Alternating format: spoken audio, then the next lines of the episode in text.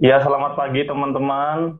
Uh, ketemu sama kami di Chan Indonesia sama Chan Medan hari ini uh, tanggal 21 Juni 2020. Hari ini kita mau bahas topik yang menurut saya menarik.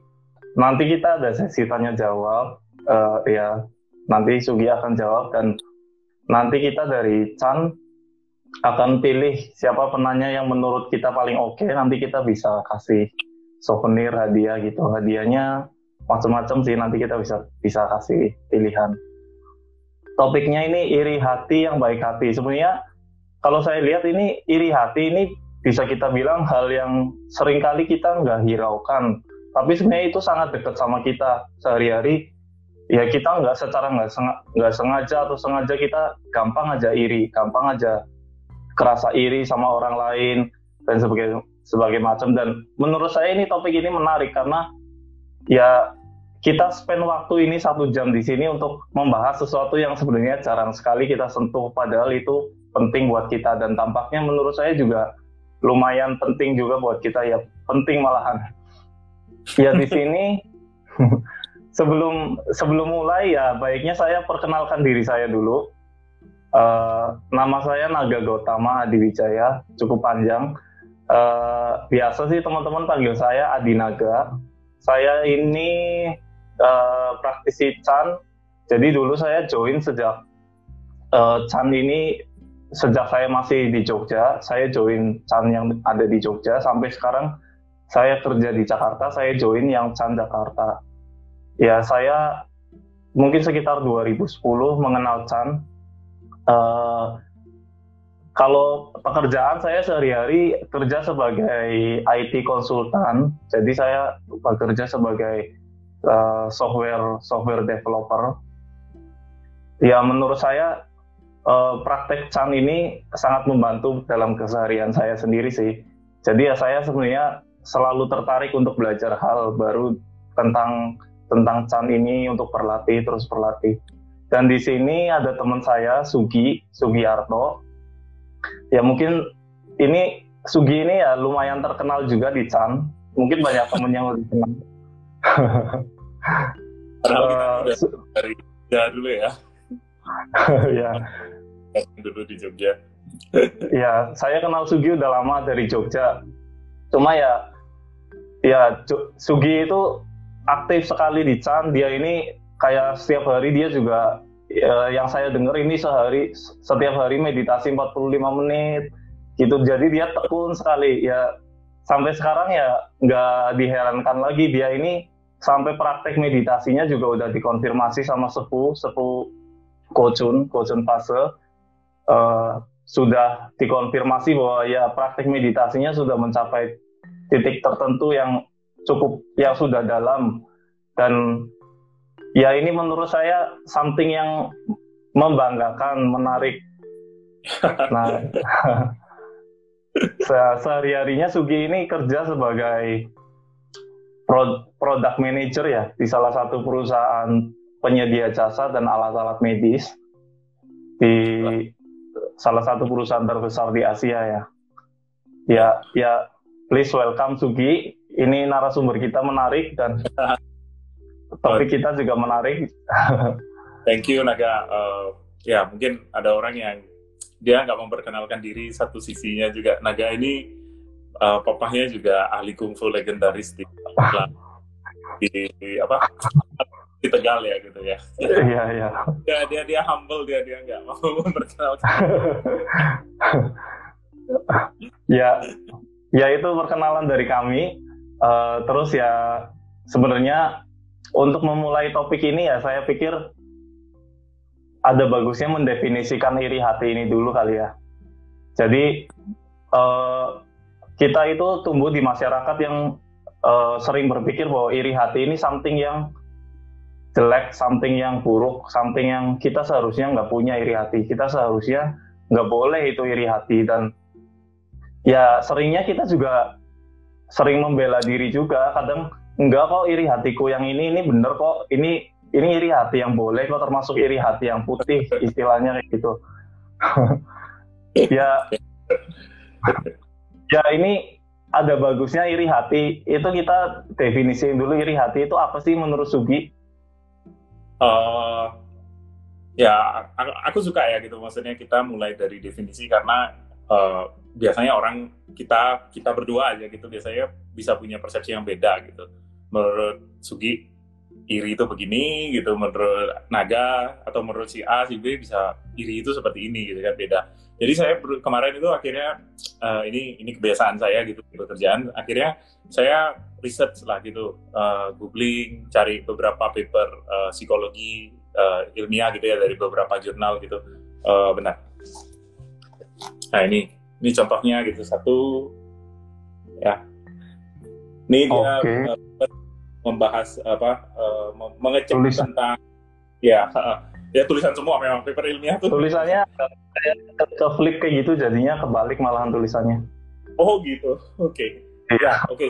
saya bacain aja ini dia mau mengecek tentang rasa malu rasa bersalah rasa iri dan juga mm -hmm. uh, mm -hmm. Freud dan Freud itu nanti kita ngobrol sampai sana deh terus um, mm -hmm. lain misalnya saya contoh nah ini misalnya dia membahas tentang iri hati dari dua jenisnya gitu. Ada satu yang bahasa Inggrisnya benign, ada yang satu lagi malicious gitu dia sebutnya. Oke. Okay. Oke, okay, uh, eh, satu lagi deh, satu lagi yang menarik itu adalah yang ini. Uh, nah, yang ini dia membahas uh, iri hati dan uh, ini dari uh, Tilburg University gitu. Dia membahas uh, iri hati dan uh, kekaguman gitu, admirations gitu, kagum. Kita mungkin kalau uh, saya ngelihat misalnya ngelihat Cristiano Ronaldo gitu atau Kobe Bryant gitu, Kobe Bryant. Hmm Michael Jordan, Kobe Bryant, kita punya rasa, uh, ini jagoan benar gitu, itu admiration kita bilang. Semacam nah, aspirasi gitu ya, terinspirasi, terinspirasi gitu ya. Gitu kan melihatnya dan mungkin ya dia mendorong sampai menjadi suatu inspirasi gitu kepada kita. Hmm. Ya itu beberapa contoh beberapa paper yang kemarin saya waktu saya uh, research gitu saya berusaha untuk hmm. mencari dari iri hati di sana gitu dan dan mungkin beberapa hal juga gitu ya uh, apa terkait dengan iri hati ini. Nah di satu di salah satunya itu dia mendefinisikan iri hati itu begini uh, sebuah pengalaman yang nggak menyenangkan terus uh -huh. Uh, sering kali nggak enak uh, -huh. nggak enak lah saya bilang gitu ya -huh. terus uh, dia sebuah emosi nggak uh, nggak enak terus dia kadang-kadang uh, tidak nyaman terus uh, nah dia punya ciri-ciri gitu ada karakteristiknya ada ciri-cirinya Nah, ciri-cirinya adalah satu, uh, dia biasanya ada ciri-ciri rendah diri, gitu ya. Nah, gitu. Terus uh, ada sifat memusuhi. Jadi okay. iri sama naga gitu, Sugi jadi punya rasa ini musuh gua gitu. Iya. Yeah. Terus enggak ya, enggak musuh ya, peace, peace. Enggak, enggak. Terus yang ketiga juga kadang ada rasa uh, jengkel, sebel gitu. Nah, ini ciri-cirinya. Nah, tapi kalau uh, dari ciri-ciri tersebut, mereka juga menyimpulkan bahwa uh, apa namanya penyebabnya itu adalah uh, bukan bukan penyebab, triggernya adalah ketika kita melihat sesuatu di di orang atau sekelompok orang tersebut yang kita inginkan. Hmm. Nah, misalnya uh, saya lihat naga gitu, jagoan kungfu gitu misalnya, saya ingin untuk jago kungfu gitu. Nah, itu hmm. terus kayak bisa timbul iri gitu. Saya ngerasa rendah diri, terus uh, saya bisa jadi uh, timbul iri. Nah, dengan dengan kata lain nih, dengan kata lain hmm. saya bisa definisikannya secara sederhana begini. Karena pengalaman tidak menyenangkan, susah, rasanya susah gitu ya. Susah hmm. lihat orang seneng, seneng artinya beruntung atau punya uh, apa ya atribut kita bilang gitu ya, atribut tertentu hmm. yang inginkan gitu. Jadi susah lihat orang seneng. Seneng. Oh. dan susah dan susahnya itu ada macam ya ada yang susahnya itu susah kena ke kita sendiri tadi yang kayak dibilang itu minder atau susahnya itu ya memang kita mau pengen kita nggak bisa kayak ikut bermudita cita atas uh, ya mungkin itu sebenarnya kan buat orang lain itu kan hal yang menyenangkan cuma kita itu mau melihat itu sebagai sesuatu yang harusnya kita ikut happy aja kita lihatnya buat kita itu hal yang nggak enak malahan Ya, ya, ya. ya namanya ya namanya iri ya. Ketika kita iri kan rasanya ya itu didefinisikan nggak enak rasanya gitu. Ya padahal yeah. mungkin orang lain uh, sukses uh, promosi naik gaji atau dapat pacar baru atau apalah gitu. Sesuatu yeah, yeah, yang yeah. inginkan gitu. Ya jadi ini definisi itu gitu. Ya jadi ini penggolongannya ada banyak ya teman-teman. Kayak iri itu uh, selain sebab-sebabnya juga uh, dampaknya juga ada banyak. Nah kalau menurut Sugi ini uh, penggolongan-penggolongan ini ada something yang spesifik enggak sih? Maksudnya kayak apa sebab tadi kan sebabnya juga macam-macam terus uh, dampaknya macam-macam nah menurut Sugi ya. ini penanganannya atau apa juga itu juga beda-beda juga atau sebenarnya ini karena karakteristiknya sama jadi sebenarnya ya ini sebenarnya sebabnya hal yang sama atau gitu. Oke, okay, uh, oke. Okay. Sebelum kita bahas sampai irinya, uh, mungkin saya mau mundur sedikit. Mundur sedikit itu maksudnya saya mau bahas dari uh, iri itu kan sebuah jenis emosi gitu ya. Jadi okay. mungkin kita, uh, saya ingin sedikit bahas dari uh, dari emosi dulu gitu. Uh, oke. Okay. Nah, uh, menurut psikologi gitu sekali lagi menurut psikologi. Uh, uh -huh uh, emosi itu muncul sejak uh, mulai berkembang gitu sejak kita mulai lahir gitu. Nah, uh, okay. ketika enam bulan pertama ya enam bulan pertama masih oe oe kita masih oe oe enam bulan pertama itu muncul yang namanya uh, uh, emosi dasar. Oh, bentar. Uh, ini deh. Oke. Okay. Ini sumber ini sumbernya banyak ini dia. Tahu ini ya? Oh agak kebalik sih cuma dari gambarnya aku tahu ini dari film itu kan uh, Inside Out itu kan ya ya betul ya oke okay. Oke okay, ini film Inside Out. Ya it's good you know gitu. Bagus lah syukur lah. Ya, ya. saya juga udah nonton. Oh, bagus itu. Ya. Uh, film Inside Out ini kan cerita tentang uh, uh, kalau di filmnya isi kepalanya anak kecil gitu ya. Iya uh, isi kepala anak kecil. nah uh, di sana kan ada lima emosi gitu. Uh, mm -hmm nah emosi ada si joy, sadness, terus ada anger, uh, disgust sama fear ya. Jadi ada hmm. Joy, joy uh, kebahagiaan lah gitu, kebahagiaan, kesedihan, kemarahan, uh, jijik dan takut. Hmm. Nah okay. ini itu uh, ini adalah basic emotions gitu, uh, emosi dasar gitu yang berkembang enam bulan pertama di dalam kehidupan kita. Uh, ada banyak banyak ada banyak teori teori tentang emosi hmm. ini adalah uh, salah satunya menurut saya karena film Inside Out ini kan orang pada nonton banyak yang tahu, jadi mungkin ini yang paling mudah. Nah, kemudian waktu kemudian kita akan tumbuh gitu, kita tumbuh di usia satu tahun sampai dua tahun, terus uh, kita mulai punya uh, sebagai manusia kita udah mulai punya namanya rasa diri, uh, self conscious, mm -hmm. self awareness. Nah, karena sudah mulai ada rasa diri, mulai berkembang emosi-emosi uh, yang lebih kompleks gitu. Nah, apalagi kemudian kalau kita kecil kita kadang suka di diajarin orang tua nggak boleh gini, nggak boleh gitu, gitu ya. Uh, iya, iya, iya, iya. Ya, ya, itu menambah lagi akhirnya membuat lebih kompleks. Artinya uh, kita mulai mengenal yang namanya norma, kita mulai mengenal yang namanya aturan. Nah, dari rasa diri, uh, self awareness, self conscious, dan juga kemudian norma-norma muncullah emosi-emosi yang lebih kompleks atau kita sebutnya mungkin social emotions gitu, emosi sosial. Nah, emosi sosial ini uh, juga bisa dikategorikan tiga gitu. Nah, nanti kita nyampe ke envy. Oke. Okay. Satu, uh, karena kita sudah mulai punya nilai-nilai. Satu adalah mm -hmm. moral.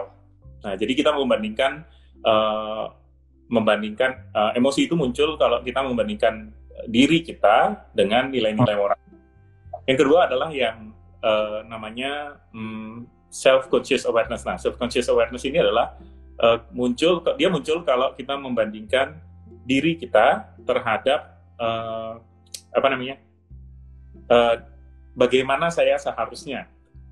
Karena kan kita sudah okay. uh, kenal aturan begini begitu, kita kan mulai hmm. uh, ide punya konsep saya itu seharusnya begini gitu. Nah, punya definisi pribadi ya, itu nah, Oke. Okay makanya kita kalau kita tidak mencapai uh, titik itu gitu ya titik atau seperti yang saya seharusnya begini itu kita uh, mungkin merasa makan diri kita dengan orang lain gitu dengan uh, apa apa di dengan di luar diri kita lah gitu dengan orang lain gitu nah uh, ini adalah yang kalau di bahasa Inggrisnya istilah ilmiahnya mereka bilang fortune of others emotions gitu. Bahasa Indonesia emosi yang terkait dengan uh, keberuntungan orang lain. Saya lebih suka bilang kondisi orang lain karena uh, fortune of others emotions ini kemudian dibagi empat gitu ya. Ada okay. yang kita ikut tenang, ya kita ikut merasa sedih. Ada yang kita jengkel. Uh, jengkel ini sebenarnya saya terjemahkan dari resentment gitu. Jengkel ada satu lagi kita malah uh, senang atau puas gitu kalau ngelihat orang itu gitu. Nah si envy si iri hati ini masuk dia itu juga bisa dibagi lagi gitu bisa dibagi lagi uh, misalnya penyebabnya gitu. Misalnya penyebabnya uh, bisa dilihat dari misalnya orangnya nggak pede nggak pede sehingga dia kalau lihat aja gitu. Uh, dia uh -huh. mudah gitu mudah iri terhadap orang lain.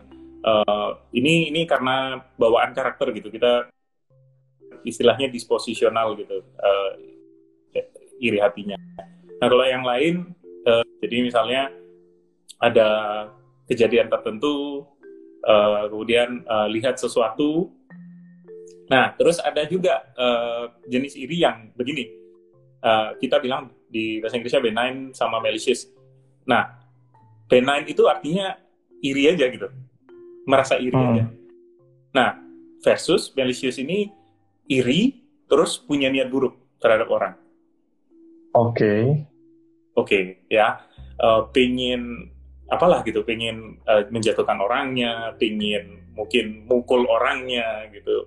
Uh, ya ini ini nah saya saya saya berpendapat saya merasa bahwa orang uh, kita kan suka diajarin jangan iri gitu ya dari kecil hmm. itu nggak baik gitu saya pikir uh, kita itu mungkin apa orang bilang iri ini jelek karena biasanya yang jenis kedua ini yang malicious envy iri hati Oke, mungkin mungkin tak summary dulu, tak summary, tak summary sedikit. Jadi ini tadi ya. uh, karena Sugi suaranya agak putus-putus juga, jadi ini ya. tadi uh, sudah oke okay sih. Cuma saya summary dulu aja ya. suaranya putus-putus. Ya jadi uh, summary dari penjelasan singkatnya tadi Sugi, singkat atau cukup panjang itu. Jadi Sugi ini coba menjelaskan bahwa uh, sebelum ke iri hati itu kita mengenal basic emotion. Jadi tadi itu ada enam, enam basic emotion yang kemudian setelah kita semakin dewasa itu kita semakin dipengaruhi banyak hal seperti uh, dari sisi moralitas, dari sisi sosial dan uh, iri hati ini termasuk uh, yang emosi dari sosial itu. Karena kita ada hubungannya interaksi dengan orang lain.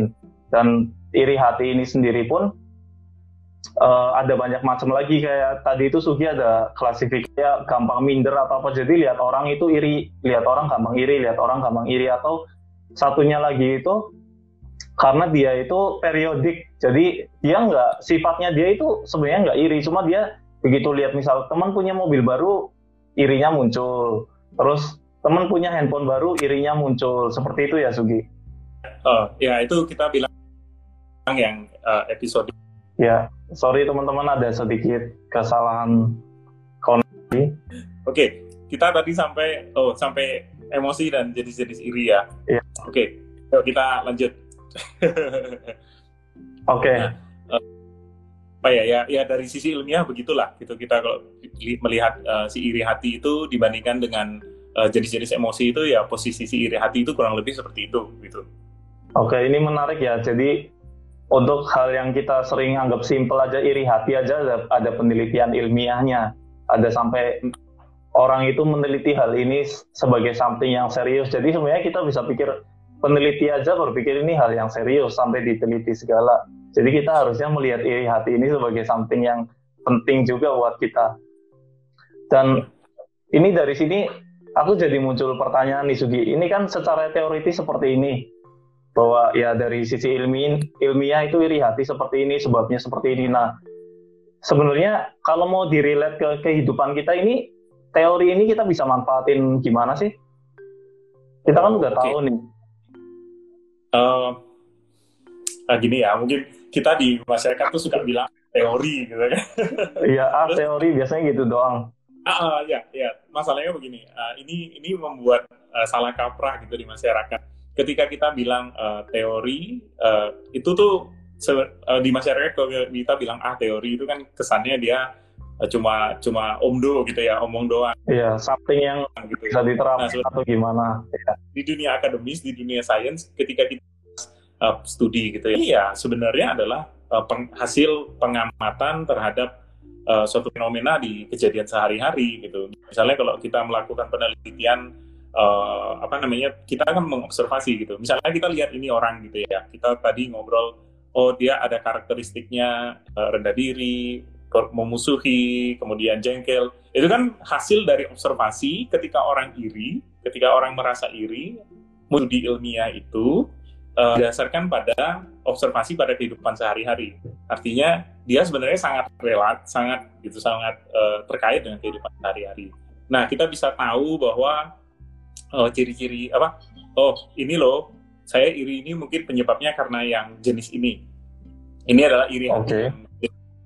uh, karena mungkin saya kurang pede gitu. Yang uh, tipenya apa namanya uh, disposisional karena karakter. Atau oh saya nih iri karena episodik saya ternyata sangat ingin uh, misalnya ingin di basket gitu. Jadi ketika lihat orang jago main basket saya jadi gitu. Nah kita jadi di sisi ini kan kita bisa lihat bahwa oh saya jadi mengenal diri saya gitu loh. Sebenarnya saya nih pingin sekali uh, jadi jagoan di uh, di main basket yang manfaat lah gitu dari jadi tahu uh, pola uh, ketika kita mengalami emosi iri kita saya pikir kita relate gimana bisa antara studi dan uh, saya kasih ulang-ulang sedikit dari apa yang Sugi tadi saya berusaha dengar juga. Jadi apa yang Sugi coba jelasin itu uh, ya teori ini sebenarnya bukan hal yang jauh dari kehidupan nyata karena sebenarnya penelitian ini juga dibangun dari hal-hal yang ya memang contoh kasusnya nyata dan lagi fungsinya dari fungsinya dari teori ini ya bisa kita terapin untuk mengenali diri kita sendiri dulu. Jadi saya ini sebenarnya termasuk iri hati yang mana sih? Jadi kalau kita udah kenal iri hati yang mana, kita bisa kita bisa introspeksi diri lagi untuk tahu oh berarti kalau iri hati yang ini tuh kita sebabnya itu ini. Oke, sekarang berarti kan kita udah tahu nih, udah mengenali nih. Terus uh, kita tetap kita kan tetap nih ngerasa iri Uh, nah ini saya saya ingin Sugi sharing ini. Sugi kan juga pasti sudah banyak berurusan dengan iri hati ini. Nah kita seringnya kalau kita ngerasa iri hati itu ya gimana gimana ya tetap susah walaupun kita udah kenal udah udah tahu sebabnya udah tahu jenisnya kita tetap merasa iri hati ini susah dilepas. Nah itu menurut Sugi itu pengalaman pribadi Sugi itu gimana sih cara nanganin iri hati ini? Oke, okay, saya saya pikir begini uh, kalau saya ingat ke depan gitu ya, mungkin sedikit soal uh, kalau kita iri karena kita suka nggak uh, mau ngaku kita iri atau kita bahkan mungkin kadang nggak bisa nerima bahwa diri kita itu mengalami emosi iri gitu karena kita punya penilaian bahwa iri hati itu sesuatu yang buruk gitu. Kita sudah tahu penilaian seperti itu gitu. Nah uh, saya menemukan gitu di uh, di pribadi saya bahwa uh, menyangka atau menolak diri sendiri sedang mengalami iri hati itu cuma bikin berkepanjangan gitu. nggak nggak nggak nggak berguna gitu. Dia cuma bikin kita berkepanjangan dan uh, jadi semakin kompleks gitu. Akhirnya disertai penyangkalan atau disertai uh, rasa bersalah gitu malah dia semakin kompleks gitu. Jadi uh, simply terima aja lah gitu sadar gitu bahwa eh, sangat manusiawi gitu. Saya uh, ini ada yang nanya gitu. Uh, kenal uh, gitu ya.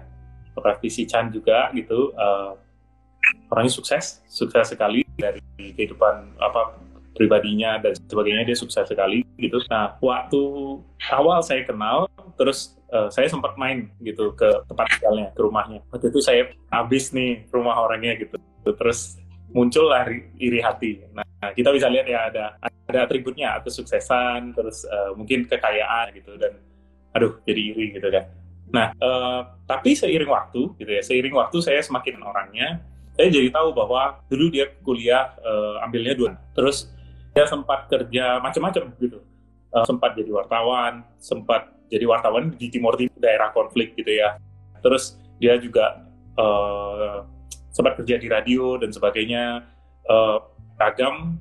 Uh, saya lihat ya perjalanan karirnya tuh sangat uh, panjang beragam uh, kalau saya pikir sekarang jadi kaya akan pengalaman gitu sehingga punya daya juang punya uh, semangat gitu mampu gitu untuk uh, menghadapi kesulitan-kesulitan gitu ya. Nah ketika nggak iri ya gitu ya. Yang tadinya mau iri jadi nggak iri.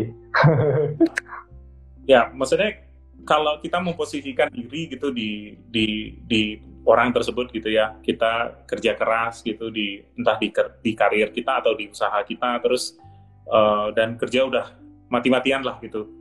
Lah kita kan maunya berhasil toh gitu. Kita kan inginnya berhasil gitu. Kita nggak mungkin inginnya gagal gitu ya.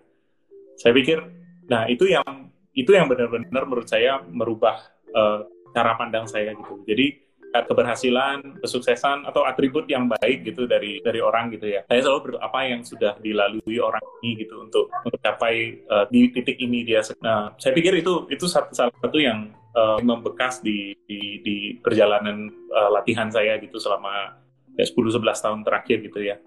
Itu satu tuh. Ya, tapi kalau untuk bilang begitu, untuk untuk bisa uh, punya observasi, kesadaran seperti itu, ya, ya kita harus punya modal, modal mindfulness gitu. Karena, anu, uh, orang iri hati itu kan, uh, ketika kita ngerasa iri itu kan kayak kena banjir bandang. Begitu. Ya ya ya. Tiba-tiba aja. udah langsung terseret gitu. Kayak banjir bandang gitu. Langsung terseret tuh udah wah ke bawah ke mana gitu. Uh, nah uh, jadi waktu kita terseret uh, apa maksudnya? Waktu kita terseret biasanya kita udah nggak sadar gitu. Kita bahkan tahu bahwa kita terseret gitu. Uh, ketika kita terseret arus terus sa pada saat kita oh saya lagi terseret loh gitu. Itu kan sama sebenarnya hmm. itu sama seperti kita bilang ya. saya lagi iri, lagi merasa iri. Nah itu itu sungguh pengalaman yang membebaskan deh. Artinya pengalaman yang wah saya nggak saya saya punya pilihan gitu. Saya punya uh, terus terseret atau uh, kalau kalau misalnya analoginya adalah uh, ter, terseret itu tadi sampai terakhir yang saya dengar itu ya perumpamaan tentang banjir nah, ini ya. terus kita tahunya keseret aja. Tahu-tahu kita ya kayak kita kayak sedang ngalamin banjir terus kita ngalamin iri hati itu ya kita tiba-tiba banjir datang tiba-tiba kita keseret arus tahu-tahu kita iri. Beberapa malah nggak sadar kalau kita itu iri. Ya seperti itu. Ya. Kalau kalau kita nggak nggak sadar itu kan kayak kita terseret arusnya gitu gitu atau kan nyangkal tadi kan kita bilang ah enggak gue nggak iri gitu. Uh, ini iri yang nggak apa-apa nih ini iri yang benar gitu kan. Itu kayak kita berenang lawan arus gitu kan. Iri tapi kita nyangkal gitu kan. Kita ngelawan gitu. Atau ketika apa namanya kita sadar gitu oh ya saya lagi iri ini gak gerak lagi. Ya jadi saya di sini di sini saya saya suka cara Sugi itu switch dari kita yang kita yang sebagai orang awam itu sering berpikir iri hati ini something yang jelek, something yang harus dijauhin, something yang uh, ya harus dibuang segala macam dengan kita berpikir iri hati ini something yang negatif. Tapi malah Sugi itu lebih memilih lihat okay. iri hati ini sesuatu yang normal loh, sesuatu yang wajar loh. Jadinya ya paling enggak dengan dengan cara berpikir seperti itu kita ngurangin uh, emosi-emosi negatif yang muncul gara-gara kita ngalamin iri hati. Terus tadi Sugi sempat ada bahas juga, ya dia mencontohkan, dia melihat keberhasilan dari seorang teman Chan juga, teman Chan ini begitu berhasil, berhasil. Nah sering kali kita lihat keberhasilan itunya doang, tanpa kita tahu perjalanan kehidupannya. Jadi di sini Sugi menekankan juga bahwa ya kita penting bahwa kita merubah persepsi kita melihat hal itu lebih luas. Jadinya kita yang tadinya kita cuma mau sekedar iri karena lihat hasilnya bagus, ya kita karena tahu. Jadi eh, praktek praktek mengubah praktek mengubah persepsi ini juga bagus karena bisa bisa membuat kita melihat iri hati ini ya sebagai something yang mungkin nggak tepat karena kita tahunya cuma sebagian doang. Terus tadi Sugi juga ada kasih uh, satu lagi, jadi selain pertama kan berarti kita ngelihat uh, iri hati ini sebagai sesuatu yang wajar. Terus yang kedua, ya kita harus praktek belajar untuk memperlebar persep, uh, persepsi kita. Jadi kita bisa melihat hal itu secara lebih, lebih luas dan terus tadi Sugi ada menambahkan lagi ya kita harus praktek mindfulness karena uh, dengan mindfulness ini kita tadi seperti yang Sugi uh, ceritain kita itu bisa melihat banjir itu banjir itu datang daripada kita cuma sekedar terseret atau malahan yang jeleknya lagi kita terseret terus kita malah berusaha berenang melawan arus. Jadinya malahan kita udah melakukan usaha tapi malahan usahanya salah udah udah tahu arusnya arusnya ke mana kita malah berenangnya melawan arus itu seperti kita udah udah ngalamin iri hati udah mengalami sesuatu yang yang tadi menurut kita negatif tapi malah kita melakukan sesuatu yang membuat itu bertambah negatif. Oke. Ini ada beberapa pertanyaan nanti coba saya sampaikan. Cuma mungkin ya sedikit banyak udah terjawab kali ya dari dari yang tadi Sugi jelasin. Ini dari Anthony. Bagaimana kita menstabilkan meredam emosi keberhasilan orang lain uh, karena sering perasaan iri amat mengganggu konsentrasi pikiran dalam bekerja ya itu kalau dari yang ini nanti saya sampaikan Sugi lagi cuma ya dari yang tadi Sugi coba jelasin bahwa iri hati ini something yang wajar. Jadi kita instead of kita berusaha meredam ya kita berusaha merubah persepsi kita dulu. Jadi ya it's okay iri hati segala macam. Aduh, I'm sorry everyone. ya ini ya ini Oke oke ini tadi karena Sugi sempat putus jadi saya sempat summary ke teman-teman jadi Thank you uh, Naga, thank you. Ya saya bilang iri hati itu something yang normal terus ya kita ya kita untuk untuk mengatasi iri hati ini tadi dengan cara mengubah persepsi sama melatih mindfulness tadi sampai situ sampai situ oke okay. oh ya oke okay. uh, eh, tadi saya sempat uh, lihat sekilas ada yang nanya gitu uh, gimana apa sih Anton nanya ya tadi ya gitu yeah, iya. gimana yeah. menghadapi gimana harus supaya lebih tenang gitu meng, menghadapi uh, apa namanya uh, iri gitu ya uh, saya mungkin mau cerita dari dari dari kita latihan gitu, latihan uh, meditasi duduk lah misalnya ya, yang mungkin yang paling jelas. Kalau waktu kita meditasi duduk, kita misalnya menggunakan metode memperhatikan nafas gitu ya. Oke. Okay. Uh, karena kan ah, kita kan harusnya saya mau duduk meditasi duduk mau memperhatikan nafas gitu kan. Hmm. Tapi lima menit kemudian pikiran kita ke mana-mana, berkelana, wandering thought gitu kan. Loncat okay. ke sana ke sini, mikirin kerjaan, terus uh, aduh ini belum selesai, aduh ini udah ditagih bos, uh, dan seterusnya. Uh, akhirnya terus, terus, terus, terus, terus lima menit kemudian setelah berkelana kita sadar, oh ya saya harusnya gini memperhatikan nafas. Nah sekarang coba saya ganti kata memperhatikan nafasnya itu dengan rasa iri jadi kita duduk okay. memperhatikan diri. Bukan, bukan duduk memperhatikan diri. Maksudnya adalah saya hadir di sini, ya kan? Inginnya memperhatikan nafas gitu ya. Tapi terus, uh, oh sorry, saya salah. Bukan memperhatikan nafas. Buah pikirnya itu saya ganti iri gitu. Ya. Oke. Okay. Buah pikirnya itu saya ganti iri. Jadi saya harusnya memperhatikan nafas, tapi terus irinya datang. Terus saya mungkin okay. akan terbawa, terbawa, terbawa kayak terbawa buah pikirnya. Terus lima menit atau sekian menit kemudian saya, oh iya, saya harusnya mau perhatikan nafas. Gitu. Oke, okay?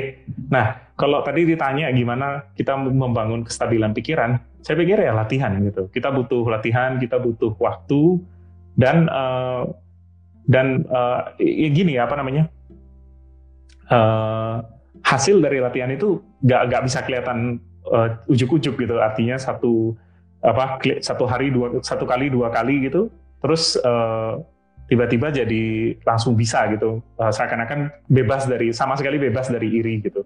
Nah tadi saya sempat lihat uh, uh, siapa uh, Pak uh, Kurniadi nanya juga gitu. Jadi boleh dong sering iri-iri uh, iri hati gitu. Oh. ini pertanyaan lucu dan bagus gitu menurut saya. Uh, dalam kaitannya dengan ini adalah uh, menurut saya begini.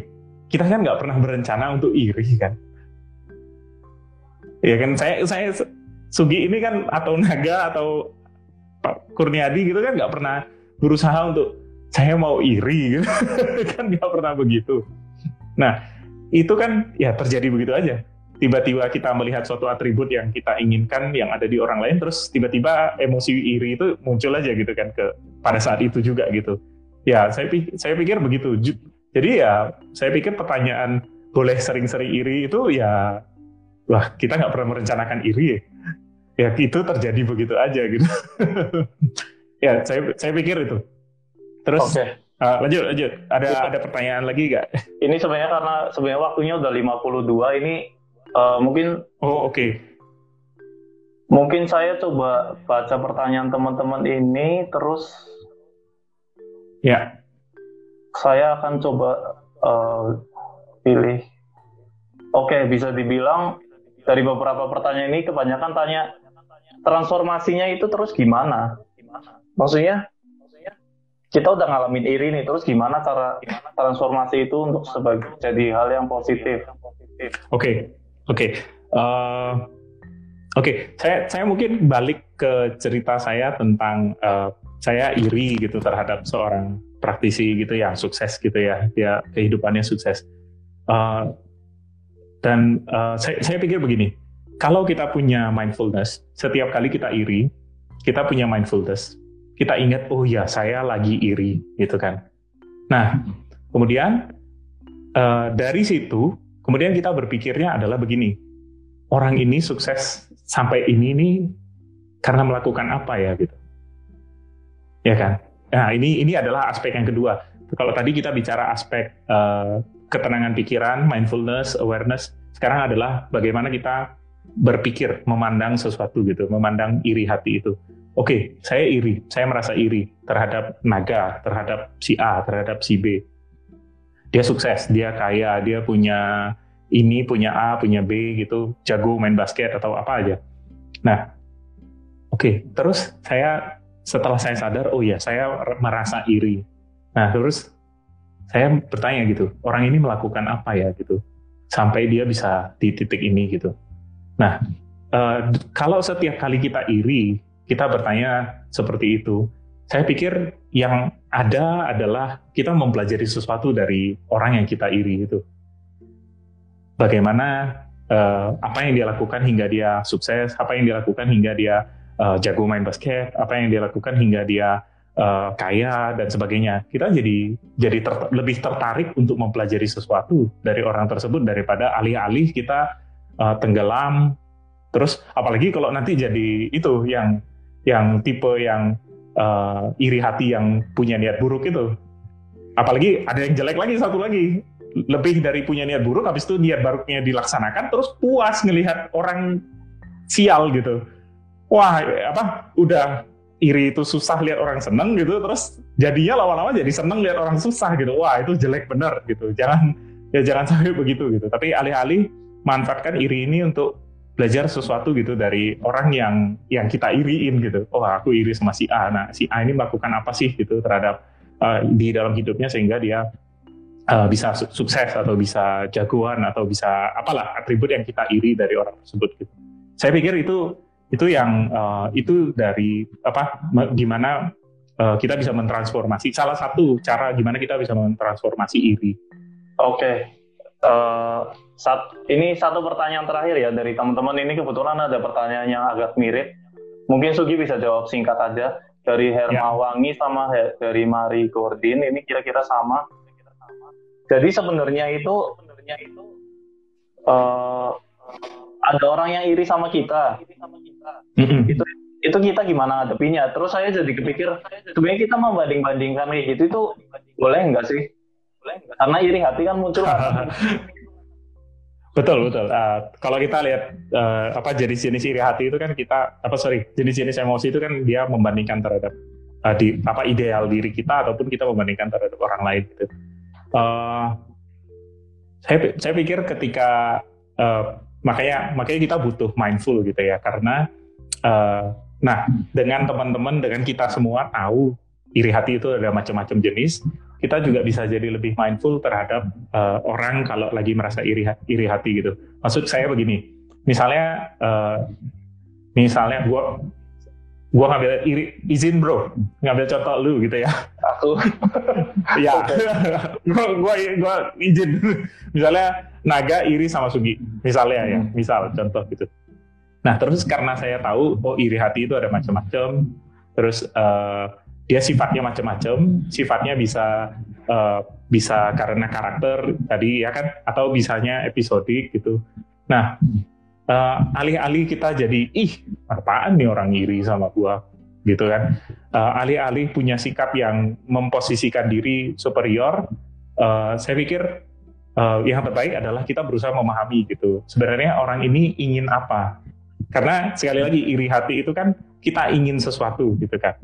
Nah uh, kalau kita bisa mindful kita bisa tahu kita bisa paham sebenarnya orang ini inginnya apa uh, apa terus tetapi kita sekali lagi kita perlu mindful juga apakah terus dia iri sampai memusuhi apakah dia irinya sekedar um, benign benign itu artinya artinya ya iri aja gitu dia nggak ada niat oh. buruk dia nggak ada sikap memusuhi dia nggak ada uh, si pertentangan uh, dengan si subjek yang diirikan itu itu itu juga kita perlu tahu gitu nah dengan mengetahui itu ya kita jadi bisa uh, memilih gitu approach yang ingin kita lakukan gitu kan karena kalau misalnya kita menghadapi orang yang punya sikap memusuhi kita dengan orang yang ya aku iri gitu, tapi aku ya fine fine aja dengan dia gitu, tetap teman gitu ya, itu kan beda gitu, itu akan berbeda.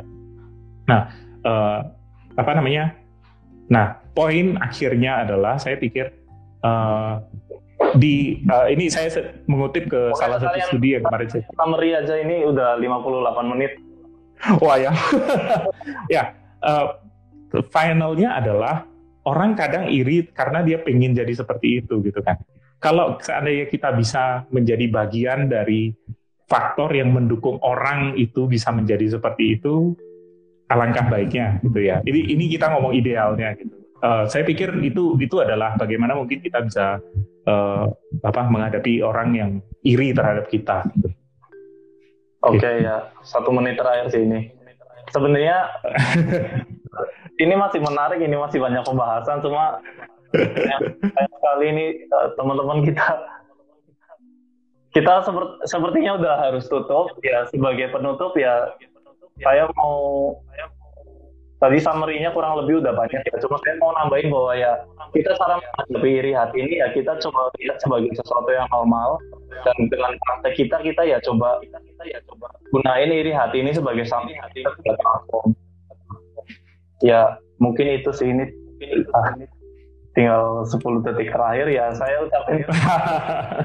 Buat teman-teman yang you Naga, thank you teman-teman Chan Medan, ya. teman-teman semua yang udah hadir hari ini juga thank you.